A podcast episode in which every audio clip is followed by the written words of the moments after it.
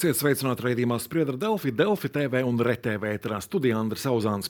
Publiskot jaunākiem starptautiskās pretkorupcijas organizācijas Transparency International korupcijas uztveres indeksa Latvijas rādītāji. Tikmēr savus datus par iedzīvotāju un uzņēmēju attieksmi pret korupciju publiskojas arī korupcijas novēršanas un apkarošanas birojas.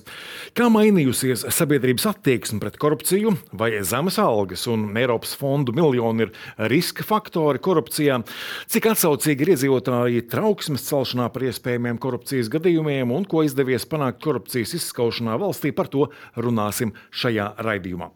Šodien studijā sabiedrības par atklātību dēlnu direktora Inês Tauriņa. Sveicināti! Labdien! Un korupcijas novēršanas un apkarošanas biroja politikas plānošanas un komunikācijas pārvaldes priekšniece Anna Ļošana. Labdien! Labdien. Un vispirms atgādināšu skatītājiem, ka savus jautājumus raidījuma viesņām varētu uzdot vietnē slaido.com izmantojot QR kodu, ko redzat ekrānā, vai kodu korupcija. Un eh, tūdaļ arī varēsim paskatīties uz ekrāna šo infografiku.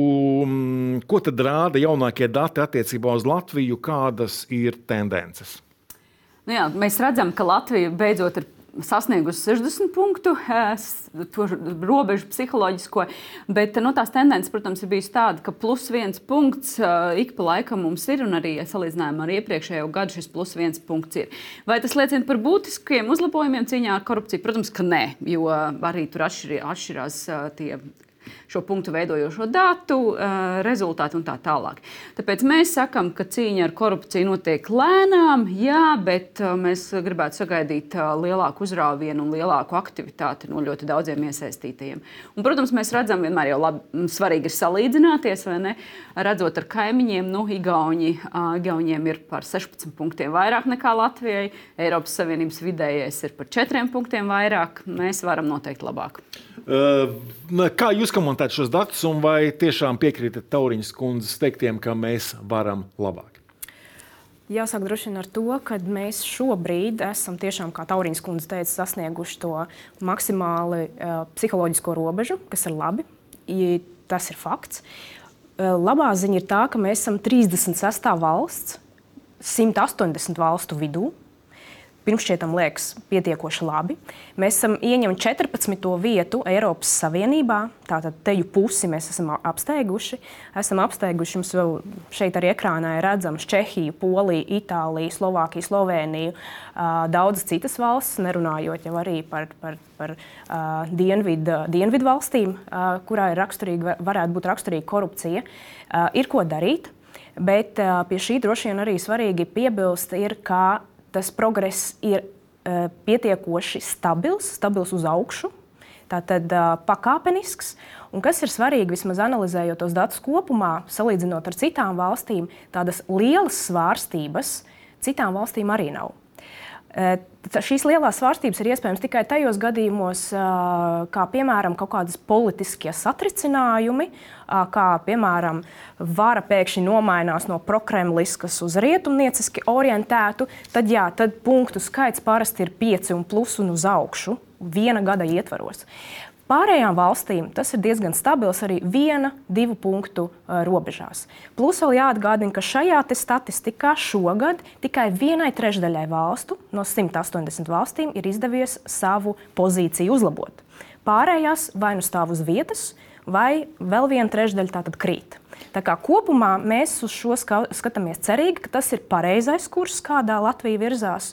Un tas ir, protams, tādu nu, pūliņu, visu pūliņu gadu rezultāts, kas tā kā palēnām, bet iet uz augšu. Ja vēlamies paskatāmies šo infografiku, kāpēc tad tuvāk Eiropas austrumiem un Eiropas dienvidiem tā situācija ir sliktāka?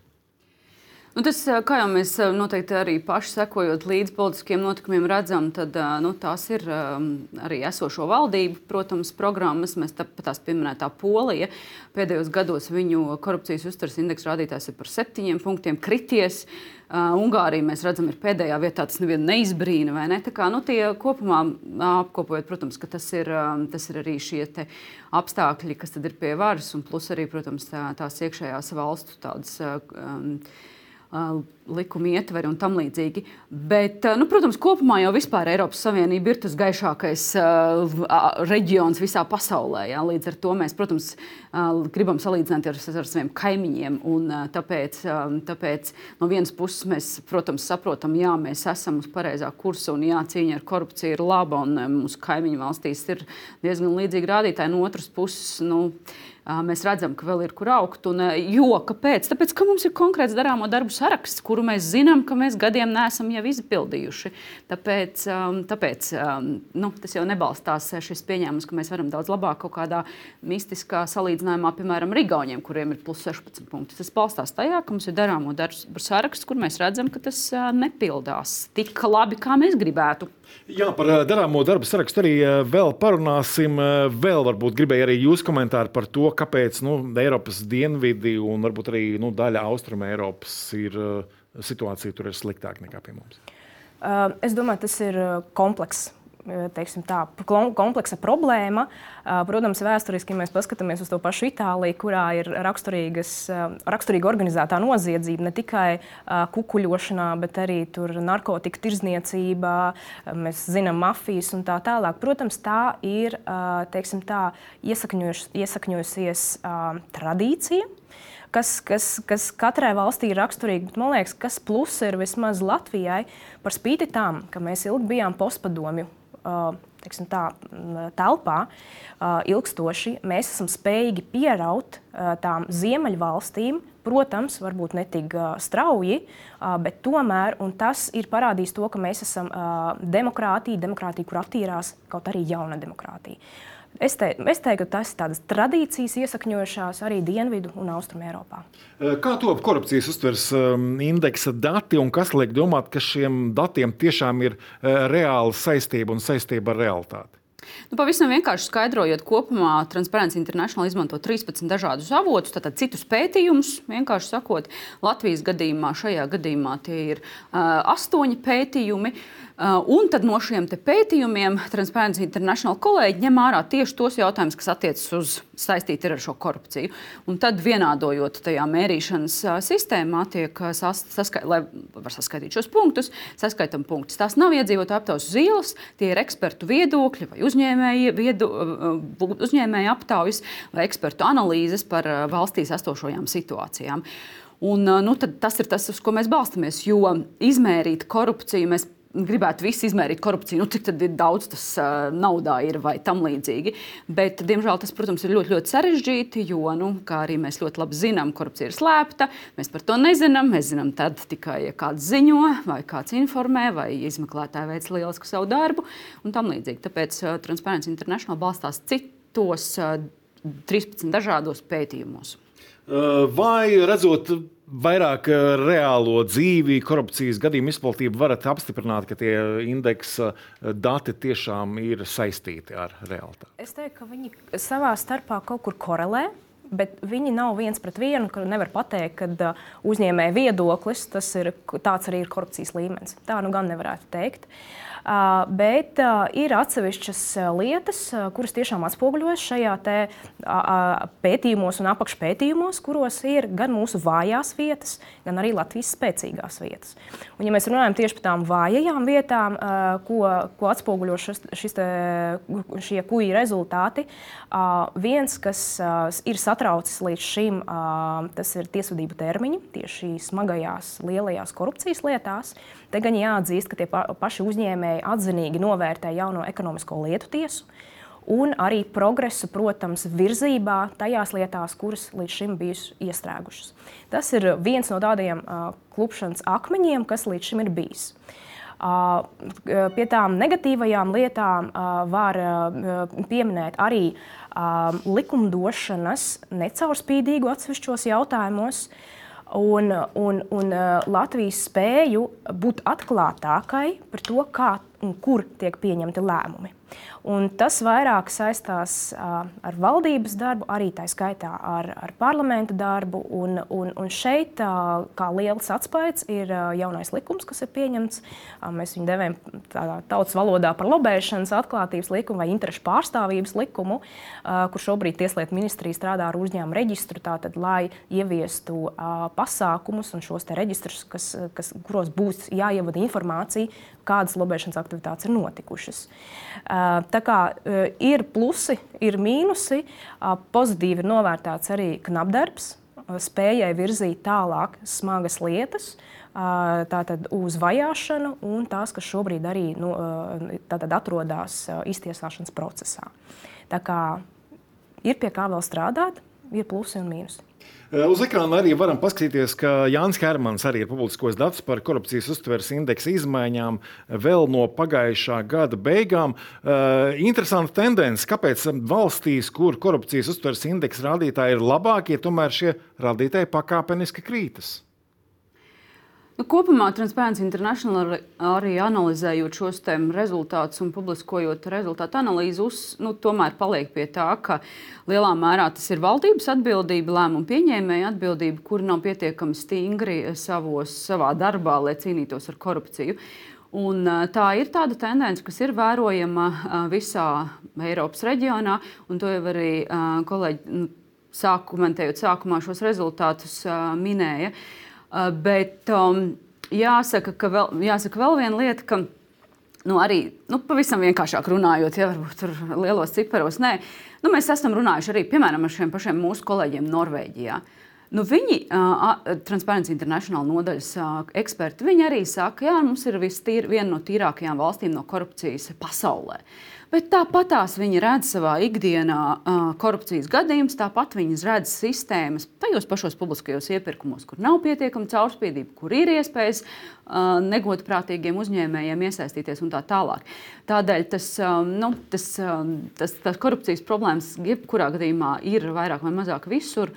Un jautājums ir tiešām, vai uh, vai tie, kas cīnās ar korupciju, spēj būt soli priekšā tiem, kuriem savukārt kuri nereti ir tādi um, apģērbīgāki vai uh, soli priekšā uh, likumdevējiem vai, uh, vai tiesu varai, lai atkal izdomātu jaunas un jaunas metodas, kā tad rīkoties negodprātīgi. Nu, tā pēc iespējas vienkārši skaidrojot. Kāds ir jūsu skaidrojums par šīm labajām valstīm, kāpēc tie dati rāda, ka tomēr maķenīt sliktākie rezultāti? Nu, Tur jau tā lieta, ka viņi svārstās, bet nu, pa lielam viņi jau paliek vienā līmenī. Nu, turpu, šurpu, punkts uz augšu, punkts uz leju. Tur nav krasu vienalga tādu kritumu. Tas jau arī viņiem liecina par to stabilitāti. Protams, ja mēs runājam par Ziemeļvalstīm, tās vienmēr ir bijušas tādas augsti ētiskas, principu līmenī valstis. Uh, Un, un tāpēc es tur lielas deviācijas nesaskatu. Protams, ja mēs paskatāmies uz to pašu Poliju, iespējams tas arī ir saistīts ar politiskajām norisēm, kuras Polija pārdzīvo arī no tāda tiesiskuma viedokļa, attiecībā arī uz tiesneša neatkarības jautājumu vai, vai, vai prokuratūras, jautājumu, prokuratūras neatkarības jautājumu. Tur ir kompleksi, kompleksas problēmas. Es, es drīzāk to tā skaidrotu. Un, ja vēlreiz paskatāmies šo pašu grafiku, šos pašus datus, kāpēc mums tomēr ir tik liela atšķirība joprojām ar tām valstīm, kur ir tie labie rādītāji? Labs jautājums, vai ne? Ja mēs to zinātu, tad, nu, ja mēs, ļoti, ja mēs ļoti vienkārši uz to varētu atbildēt, tad jau uh, cerams, ka, uh, cerams, ka tie rezultāti arī būtu citi. Bet um, tās ir tās starptautiskās rekomendācijas, protams, uz kuras arī uz to norāda. Uh, Un tur Knaps ir pagājušā gadā vēl publicējis šo pēdējo greko ziņojumu. Varbūt var skatīties, protams, var iet sīkāk un skatīties, bet kopumā skatoties Latvijas rezultātu un to, kur Latvijā, nu, tajos, kā jau minēju, astoņos avotos ir tie viszemākie rādītāji ar vislielāko atšķirību no Eiropas Savienības vidējiem rādītājiem. Tie ir, tie, tie ir Tas ir par eh, politisko godprātību, eh, tad, tad tādu godprātību politiskajā vidē, un tur mums arī ir konkrēti darāmie darbi. Tas ir par eh, uzņēmēju darbības godprātību. Tātad, vai uzņēmēji Latvijā saprot, ka kukuļus dot nevajag, ļoti vienkāršojot, super vienkāršojot to problēmu. Un trešais par to, vai mēs tiešām šo publisko naudu piemēram, publiskos iepirkumus, piemēram, 40% no publiskajiem iepirkumiem atrodas pašvaldībās, vai mēs tiešām esam pārliecināti, ka visas pašvaldības godprātīgi tērē nodokļu maksātāju savu iedzīvotāju naudu? Protams, ka nē. Mēs to ļoti labi redzam Dēlnes darbā, ka nē. Un tās ir tās, nu, mēs redzam, ka tie ir tie trīs apakšrādītāji, kur mēs visvairāk atpaliekam no Eiropas Savienības vidējiem rādītājiem. Un tāpēc uh, tur ir virkni uzdevumu, kas ir vienkārši jāizdara. Uz ekrāna varam paskatīties, kā arī Knābi ir veids iedzīvotājiem uzņēmēju aptauju. Ko no šīs aptaujas varam secināt? Kopumā secinājums ir, ka ļoti lēna, stabila augšupeja, labā nozīmē, kad tolerance pret kukuļošanu samazinās mēs uzņēmēji un iedzīvotāji, mēs veicām šo aptauju, aptverot abas grupas. Mums bija svarīgi gan iedzīvotāju viedoklis, gan arī, gan arī uzņēmēju viedoklis, ka nebūtu gatavi kukuļot. Bet šeit es gribu tātad 78%, kā jūs redzat, jā, un 80% nebūtu gatavi kukuļot. Bet te ir viena būtiska nianse. Ar kukuļošanu mēs nesaprotam tikai kukuļu maksāšanu. Mēs skatāmies uz to plašāk. Proti, šeit mēs saprotam arī jebkādu pateicību dāvanu došanu pēc lēmumu pieņemšanas. Te mēs saprotam arī dažādu neformālu risinājumu izmantošanu, kā vienkārši pazīšanās izmantošana, labu draudzību izmantošana, lai kaut kādu, lai vienkārši pārliecinātos par to, kā noris konkrētā jautājuma risināšana. Un, un pakāpeniski, jā, tendence arī sakrīt ar korupcijas uztveres indeksa rādītāju kopējā tendence, un mēs tātad kustamies arī pozitīvā virzienā, ja tā drīkst izteikties. Jūs pieminējat šo pazīšanos vai kaut kāda daļa no korupcijas, kura nav sodāma likuma ietvaros? Kukulis sākas no pirmā eiro centa. Tas nozīmē, ka jebkāda materiāla vērtība došana, piedāvāšana ir krimināli sodāma. Mēs, protams, runājam par izņēmumu gadījumiem, kas likumos ir noteikti. Tie ir ziedi, ko var dāvināt, ko var neuzskatīt par kukuli. Kaut kādas tādas re, reprezentācijas priekšmeti, bet kopumā skaidrs, ka tā ir tā materiālā interese, kura ir tā galvenā, kuru varētu piedāvāt vai sagaidīt valsts amatpersona. Uh, Šī tradīcija, piemēram, nu, patiesība ārstam ar naudas zīmēm vai kādu vērtīgu dāvanu vēl joprojām ir aktuāla?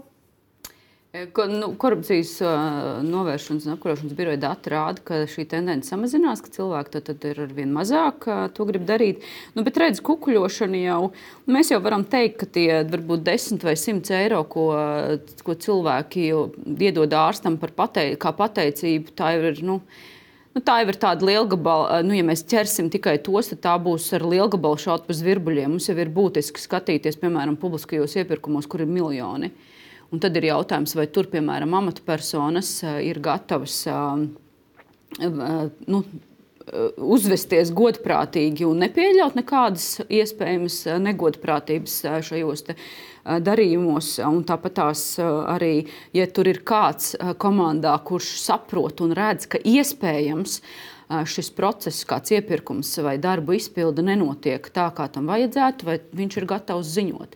Jo nu, es domāju, ka mums ir uh, vairāk jādomā un jā, jārunā ikdienā par to, ka patiesībā uh, miljonu, uh, miljonus lielajos projektos vai iepirkumos uh, tur uh, nu, visticamāk. Informācija liecina, ļoti bieži ir negodprātīga praksa, un nevienmēr tur būs kukulis. Korupcija ir personīgā, šī uzticētās varas izmantošana personīgam labumam. Personīgais labums var būt arī manam labam draugam vai kaimiņam es palīdzu tikt pie kāda līguma. Vai knapa prioritāte ir šīs miljonu lietas? Uh, knapa prioritāte ir, uh, protams, augstāko amatpersonu kukuļošana, bet tāpat arī visas pārējās uh, lietas. Mēs nevaram runāt uh, tikai uh, par kaut kādām selektīvi izvēlētajām lietām. Nē, uh, mums šobrīd tiesā uh, atrodas pret vairākām augstākām amatpersonām, tātad kukuļošanas lietas, Tad atgādināšu Latvijas Bankas prezidenta lieta, bijusī tieslietu ministres lieta, gan esot Latvijas Universitātes valsts amatpersonas amatā, tāpat arī Latvijas dzelzceļa bijušā priekšnieka lieta. Tad Rīgas domes deputāta mēģinājums kukuļot par 2,1 miljonu eiro. Tātad mums ir lietas, un, protams, arī valsts ieņēmuma dienesta lietas un citas lietas. Tātad mēs šobrīd joprojām strādājam un arī turpināsim strādāt ar augstākā amatpersonu kukuļošanas lietām, bet, protams, arī virzot jebkādas un izmeklējot jebkādas citas lietas, kur būs jebkāda korupcija. Latvija, tad, nu, mēs zinām, ir salīdzinoši maza. Nu, daudzi viens otru tiešām pazīst. Vai tas veicina to praksi, nu, kaut kādas lietas sarunāt? Es domāju, ka nē.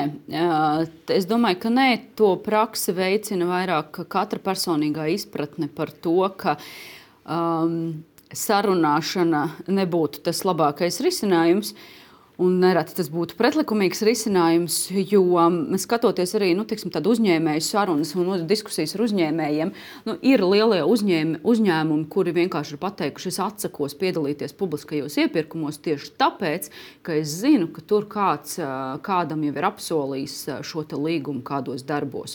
Un tad, kur mēs nonākam, tie uzņēmumi, kas savā praksē ievieš stingras pretkorupcijas politikas, strādā ar katru darbinieku, sākot no zemākā līdz augstākajai augstākajiem, arī godprātības un etikas standartu ievērošanu, izpratni par to, tad šie nepiedalās publiskajos iepirkumos un tur neveido godīgu konkurenci. Savukārt tie, kuriem patīk sarunāt, kuriem tā ir normāla ikdienas darba kultūra, tie piedalās un tad arī tādās pašās stilās sarunā ar iepirkumu komisiju vai kādiem citiem lēmumu pieņēmējiem par to, ka uh, viņš šeit uzvarēs. Vai paši savā, mēs arī karteļlietas esam dzirdējuši paši savā starpā sarunā, nu tie scenāriji ļoti dažādi. Um, varbūt pat neiesaistot amatpersonas. E, nu, lūk, un tad, un tad gala beigās e, mēs brīnamies par pagarinātiem e, termiņiem, par paaugstinātām līguma cenām vai tam līdzīgi. Piemēram, mēs arī paskatījāmies viens pašvaldības uh, pašvaldības iepirkumu. Sākumā izsludina iepirkumu un paraksta līgumu par 500 tūkstošiem par vienas estrādes remontu. Paskatāmies pēc kāda pāris mēnešiem, viņi palielina šos, šīs izmaksas, mainās darbi, pēc trīs mēnešiem mainās darbi, un viņi par 49,5% palielina izmaksas uz 800 plus tūkstošiem. Nu, kā, kur šeit ir godīga konkurence? Nu, nav. Nu, ir, tas ir tas stils, kā mēs, kā mēs redzam dažās pašvaldībās, vai piemēram strādā. Uh, jā, uh, gribēju piebilst. Jā, ja drīkst papildināt, jā. varbūt tas, ko Tauriņas kundze teica, arī atspoguļojas būtībā mūsu krimināla lietās, ko mēs arī pagājušajā gadā nodevām vajāšanai. Mums aizvien katru gadu ar vien vairāk pieaug to lietu skaits, kur mēs redzam, ka tiek kukuļots tieši uzņēmēja interesēs. Proti, vai nu tie ir uzņēmuma darbinieki, vai nu uzņēmuma paša valde vai, vai augstākās amatpersonas, vai nu uzņēmuma izvēlēts kāds starpnieks, kas tiek pieaicināts, lai piekukuļot valsts amatpersonu. Aizvien vairāk mums pieaug šādu lietu skaits, ko mēs nododam vajāšanai. Proti, eh, tiek kukuļots uzņēmuma interesēs, lai gūtu peļņu. Un, protams, eh, tas ir saistīts, Tauriņš kundze precīzi pateica, iepirkumi. Iepirkumi ir vienalga, vai tie ir Eiropas finansēti projekti, vai tā ir valsts nauda, vai tā ir, vai, vai tā ir pašvaldības nauda. Tie, tie vienmēr ir eh, tāda riska faktors numur viens ar iepirkumi. Tas, kas mums no šiem arī mūsu socioloģiskās aptaujas, kas izriet, ko mēs tā bišķiņi samulsām, bet mēs tā pozitīvi to vērtējam, ka paši uzņēmēji saka, kad viņiem pajautā, kā jums šķiet, vai uh, korupcija uh, Latvijā aizvien ir tāda aktuāla problēma, viņi saka, nē, ar katru gadu samazinās. Bet tajā pašā laikā mums cipari ir pretī, kur mēs redzam, ka uzņēmumu skaits, ko mēs saucam, ierosinām saukt pie atbildības, tikai pieaug. Tad uzņēmumi varbūt negodīgi atbildējuši aptaujā. Mm, samācījušies par to. Vai arī atbildes. tieši otrādi jūtas droši, kad uh, izmeklēšanas iestāde ķer un sa, tad, tad, aicina tiesu un prokuratūru saukt pie atbildības. Tā tad varbūt tādā izpratnē arī, kad, uh, kad tā ir tā labā ziņa.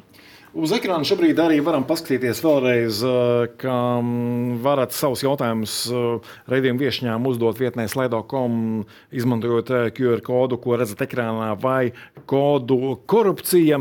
Gribēju arī jautāt, ko pēdējo, nu, varbūt 10, 20 gadu laikā ir izdevies panākt pretkorupcijas izskaušanā gluži praktiskā formātā, nu, kādiem praktiskiem darbiem ir tādi labākie rezultāti, vai tās ir, piemēram, izmaiņas likumdošanā, vai patiesā labuma guvēja reģistrs, vai, piemēram, elementāra policijas ķermeņa kameras. Tas, jā, tas ir ļoti komplekss jautājums, protams, ļoti sarežģīts uh, un uh, ļoti gari atbildāms. Bet, uh, protams, nu, kopumā tie ir vairāk bloki, tieši tā, dažādu likumu pieņemšana un arī esošo likumu uzlabošana. Tāpat tās, piemēram, Dēlna ir ilgstoši strādājusi pie trauksmes celē, celšanas likuma, pie, inform, pie šī lobēšanas, jeb interešu pārstāvības atklātības likuma, kur gan vēl ir ļoti daudz darāmā. Tāpat arī amatpersonas, dažādi regulējumi par amatpersonu interešu konfliktiem un tam līdzīgi. Otra lieta, kas vēl ir ļoti būtiska, ir dati, datu pieejamība, jo lēmumu pieņemšana un arī tādu potenciālo problēmu ieraudzīšana ir iespējama tad, ja pētniekiem, nevalstiskajām organizācijām, žurnālistiem ir pieejami dati un tad atvērto datu pieejamība pēdējos tiešām tādos, nu, jau tajos jūs minētajos 10, 20 gadu griezumā ir ļoti uh, daudz palielinājusies. Mums ir atvērto datu portāls, dati ir pieejami. Latvija ir līderis vispār patiesi tajā, ka mēs esam at, paturam atvērtu patiesā labuma guvēja reģistru. Vēl tikai viena valsts Eiropā to ir izdarījusi. Mūsu kolēģi priecā, nu, apskauž pozitīvi mums par šādu nostāju un tam līdzīgi. Nu, un, protams, tā ikdiena, tie paši ceļu policisti, jau jūs pieminējāt, arī tā ikdiena un tāda ar vien mazāk tolerēt uh, korupciju vai tādu dāvanu došanu ikdienā, tajā, gan tiem pašiem ārstiem vai Eh, vai ir bijušas arī mums diskusijas skolotājiem, kā pateicības, citi ir vecāki, kas cenšas dāvināt visādas dāvanas. Vai, vai policistiem mēģināt kaut ko sarunāt, vai tāpat tās pasas ātrāk, pirms 20 gadiem, man liekas, lai pasi normāli dabūtu, vajadzēja motivā, motivējošu aploksnīti un tam līdzīgi. Tad tās arī, protams, lietas ir izskaustas. Un šīs mazās lietas tajās valstīs, kur ir šī korupcija ļoti izplatīta, tā arī ir ļoti klātesoša tajās ikdienas cilvēkam nepieciešamajās birokrātiskajās attiecībās ar valsti. Nu, kā jau minēju, dažādas pasas izziņas un tam līdzīgi. Un tur tad nu, tur mēs esam arī šo te, tādu korupciju vai negodprātīgu iespēju izskauduši. Manuprāt, diezgan daudz. Kur ir bijuši tie, tie labie darbi, kas ir devuši rezultātu? Pirmais, man liekas, kas ir bijis svarīgi, tas ir politisko partiju finansēšana, nelikumīgas finansēšanas krim, kriminalizēšana. Tas ir bijis tāds fundamentāls darbs, pie kā tika strādāts pēdējo 10, 20 gadu laikā. Bet, ņemot vērā, ka politisko partiju finansēšana ir strauji pieaugusi pēdējo trīs gadu laikā, likumdevējs virzot grozījumus par paaugstināšanu, šī finansējuma paaugstinājumu, ir aizmirsts tomēr vienu būtisku lietu. Proti, ja mēs dodam naudu politiskajām partijām būt neatkarīgām no privātajiem sponsoriem un ziedotājiem, mums ir jāpadomā arī tālāk.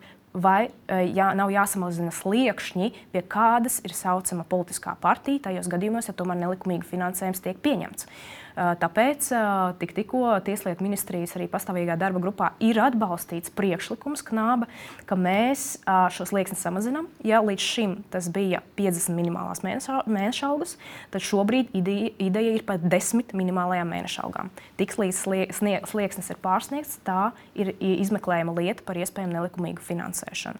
Tātad zemesliekšņi tā ir administratīvā atbildība.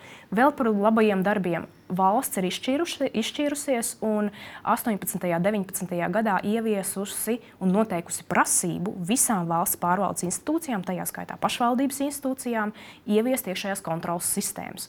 Mēs nevaram apkarot korupciju vai novērst korupciju, ja pašas iestādes iekšienē neko nedara.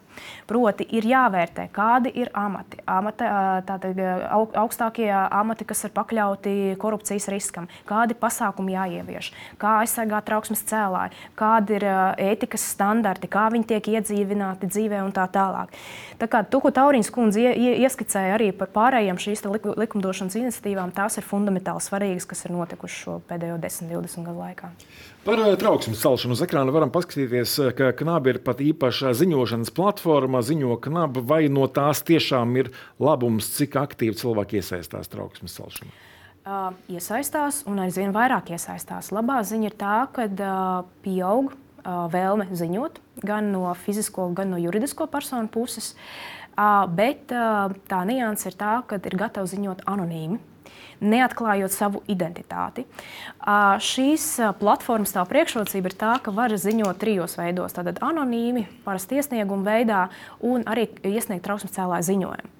Un arī anonīmā veidā ir iespējams sekot līdzi, kas notiek ar to informāciju, kas ir iesniegta birojam, kādi ir izmeklēšanas rezultāti, cik tālu lieta atrodas, vai tā ir izskatīšanā, tad, vai tur ir nu, kāds rezultāts. Un tas viss ir iespējams, jo tur cilvēkam kā, tiek izsniegts tāda nu, cipra kombinācija, viņa identifikācijas numurs, un to mēs varam tā nosaukt, kur viņš var sekot līdzi. Un mēs ar viņu anonīmā veidā arī varam sazināties. Protams, ja viņš ir gatavs otrā pusē atsaukties un iesniegt kaut kādus papildu dokumentus, no savas puses paliekot anonīmam. Un tā ir tā priekšrocība, kas arī sasaucas arī ar mūsu socioloģisko aptauju, ka ir gatavi ziņot, bet anonīmā veidā. Vai šis ir viens no labākajiem iespējamajiem trauksmes cēlēju nu, teiksim, iespējām ziņot, vai arī vēl šajā jomā kaut ko vēl var uzlabot? Valsts kancelēja arī apkopo datus katru gadu par visām uh, iestādēm, kurās var ziņot. Valsts ieņēmuma dienests parasti tur ir līderos, taču tie pēdējie dati par pagājušo gadu. Nē, pagājušā gada dati par iepriekšējo uzrāda, ka šie trauksmes cēlēs ziņojumu skaits samazinās, kas ir mums uztraucoša tendence. Taču no otras puses, um, Tieši tā mēs arī darbā ar trauksmes cēlējiem, kas vēršas Dēlnā, redzam, ka ļoti svarīga ir tā anonimitāte, lai arī likums paredz, ka persona, kura iesniedz iesniegumu vienalga kurā iestādē, nu, pēc atbilstošās tēmas, uh, ka viņas identitāte nedrīkst izpaust tālāk nevienam. Tomēr praksē strādājot ar iestādēm dažādām, mēs redzam, ka tas, diemžēl, netiek nodrošināts. Iestādēm īsti līdz galam nav skaidrs, un viņi tur interpretē katrs pa savam. Kat, kā viens cilvēks, katram sava interpretācija par likumu. Līdz ar to eh, tātad, mēs nevaram garantēt, ka visās iestādēs tiek nodrošināta šī pseidonimizācija. Nu, un, nu, lūk, un tieši tāpēc tas eh, knabē piedāvātais risinājums par anonimitāti un šo jau pašam sevis anonimizēšanu ir, um, mēs ceram, ka nesīs ilgtermiņa augļus, jo tieši tā trauksmes celšana ir viens no instrumentiem, kā mēs vispār varam identificēt iespējamu korupciju, bet arī citus iespējamus pārkāpumus. Jo trauksmes celšanas likums jau paredz ļoti daudz jautājumus, par kuriem kas attiecās uz kaitējumu sabiedrībai un sabiedrības par, interesēm, par ko vajadzētu ziņot. Lietotne telefonā ziņošanai, nu, vai tiešām viss notiek anonīmi, vai tiešām šī lietotne nevar mani izspiegot? Mēs nespiegojam. Noteikti nē, nē. noraidu. Um, protams, um, vēl viena lieta, kas uh, satrauc cilvēkus, ir tas, ka bankām ir ļoti liela interese, varbūt pat pārāk liela interese par viņiem. Uh, Latvijas Bankas prezidents Mārtiņš Kazāks vakar pie mums raidījumā norādīja, ka mm, šī banku pastiprinātā interese par klientiem mēdz būt arī pārspīlēta. Nu, cīņā ar korupciju un finanšu noziegumiem uh, vai bankas pārspīlē, vai tas tomēr ir svarīgi? Runājot ar uh, finanšu nozares pārstāvjiem, tiešām kontekstā ar korupciju, ar, um, arī ar um, um Krievijas uh, tādu ietekmi Latvijā un arī šajā ekonomikā, mēs tomēr redzam, ka bankas var izdarīt ļoti daudz, lai to, nu, kā viņi teica, toksisko kaimiņu ietekmi uh, uz Latvijas ekonomiku mazinātu. Un no vienas puses, Iespējams, kādam liksies, ka bankas pārāk daudz interesēs par cilvēkiem, bet no otras puses mums tas, tas zināmā mērā ir mūsu valsts drošības jautājums. Es gribētu to šādi paturēt aktuālu. Ja par kaut kādām specifiskām niansēm, nu, tad tas nav mans jautājums, lai teiksim, runātu, kāpēc tieši šis jautājums tiek prasīts kādam, kādam iedzīvotājiem. Uh, Un, otra, un vēl, protams, nu, jāskatās, ko pašs, pats banku sektors saka. Mēs pēdējā laikā, man liekas, arvien intensīvāk uzzinām par dažādiem krāpniekiem un naudas izkrāpšanas. Nu, ja viņi caur šiem datiem, ko viņi uzzina, spēja kaut kā ar to cīnīties, tad tas būtu vispār lielisks solis. Vai šobrīd pieaug arī piemēram, nu, kriptovalūtu loma koruptīvos darījumos, vai ar to ir iespējams kaut kā cīnīties? Ar kriptovalūtu uh, mēs redzam, ka vismaz tam, teiksim, tā mūsu sadarbības partneriem ārvalstīs, viņiem jau ir pirmās lietas, patiešām, kur arī nauda, kas aiziet uz dārknetu, kas aiziet tad, arī kriptovalūtas veidā, tiek izmantota tas ir fakts.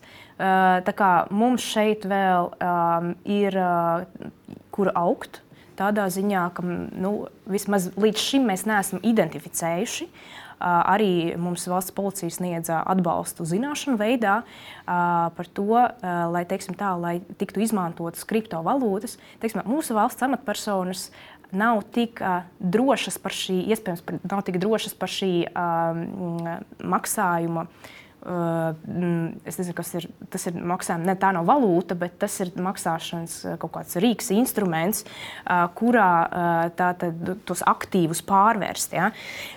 Iespējams, ka mūsu valsts amatpersonas ir nedaudz konservatīvākas. Nav tik tehnoloģiski avansētas. Ja? Man šeit ir komentārs. Ja. Tad, kad sākās karš Ukrainā, kad Krievija iebruka Ukrainā, mēs redzējām, ka ļoti palielinājās aktivitāte virtuālo, virtuālo aktīvu tirgus, ne tikai kriptovalūtas. Uh, un uh, arī mēs ar kolēģiem esam runājuši, ka virtuāli un zinām, ka virtuālo aktīvu, šis kriptovalūtas tiek izmantots naudas atmazgāšanā, neliku, nelikumīgos darījumos, kukuļošanā. Tā ir viena lieta. Otra lieta, jā, ir, ir nāk iekšā Eiropas Savienības regulējums, bet mēs esam tā, ar kolēģiem ne, nu, mums, tā, nepatīk, maigi sakot, tas, ka mūsu finanšu ministrija redz, ka vienīgais nepieciešamais Latvijā regulējums ir virtuālo aktīvu pakalpojumu sniedzēju regulējums. Tikai tie, kas pakalpojumus sniedz. Bet da, mēs uzstājam, ka ir nepieciešams daudz plašāk uz šo nozaru skatīties un uh, atrunāt un paredzēt daudz plašāku regulējumu un vispār šo sistēmas darbību arī Latvijā.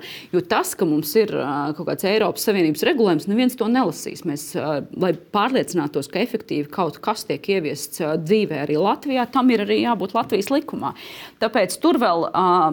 Tieši tā amatpersonām, ierēģiem un visiem citiem ir ļoti daudz vēl uh, es nezinu, vai pudu sāls jāizēd, lai saprastu, uz grābekļiem jāuzkāpj, sap, lai saprastu, bet šis, šis ir ļoti svarīgs jautājums, kurā, kuram ir jāpievērš daudz, daudz lielāka un plašāka uzmanība. Svarīgs jautājums, iespējama tātad šaurā vieta, bet vēl pavisam īsi dažos vārdos. Mums ir atlicis ļoti maz laika, dažos vārdos par šiem darāmajiem darbiem. Kas vēl mums ir steidzami jāpaveic korupcijas mazināšanā? Garš saraksts Dēlnes lapā, bet, protams, uzlabot atsevišķus likumus, kur kanāba aktīvi strādā interešu konfliktu novēršana, politisko partiju finansēšana. Tā skaitā uzņēmējdarbības vidē aktīvāk iesaistīt un prasīt no uzņēmējiem šo atklātību pret korupcijas politikas un, protams, daudz vairāk un aktīvāk skatīties, kā tiek izlietot publiskā nauda. Piekrīt. Trīs vārdos. Piekrītu. Privātais sektors, noteikti uzņēmēji. Uh, Valdība pagājušajā gadā ir apstiprinājusi korupcijas novēršanas un apkarošanas pasākumu plānu ar dažādiem 49 pasākumiem, kas valsts pārvaldē ir jāīsteno, kas ir gan ambiciozs. Tur ir pilns spektrs dažādu pasākumu, kas tiešām mūs varētu aizvest arī tajā skaitā nedaudz augstāku korupcijas uztveres indeksu. Jā, tad gaidīsim šo pasākumu īstenošanu. Saku paldies redzējumu viesņām. Nākamais es spriedu ar Delfiju raidījumu ēterā rīt. Šodien paldies, ka skatījāties uztikšanos!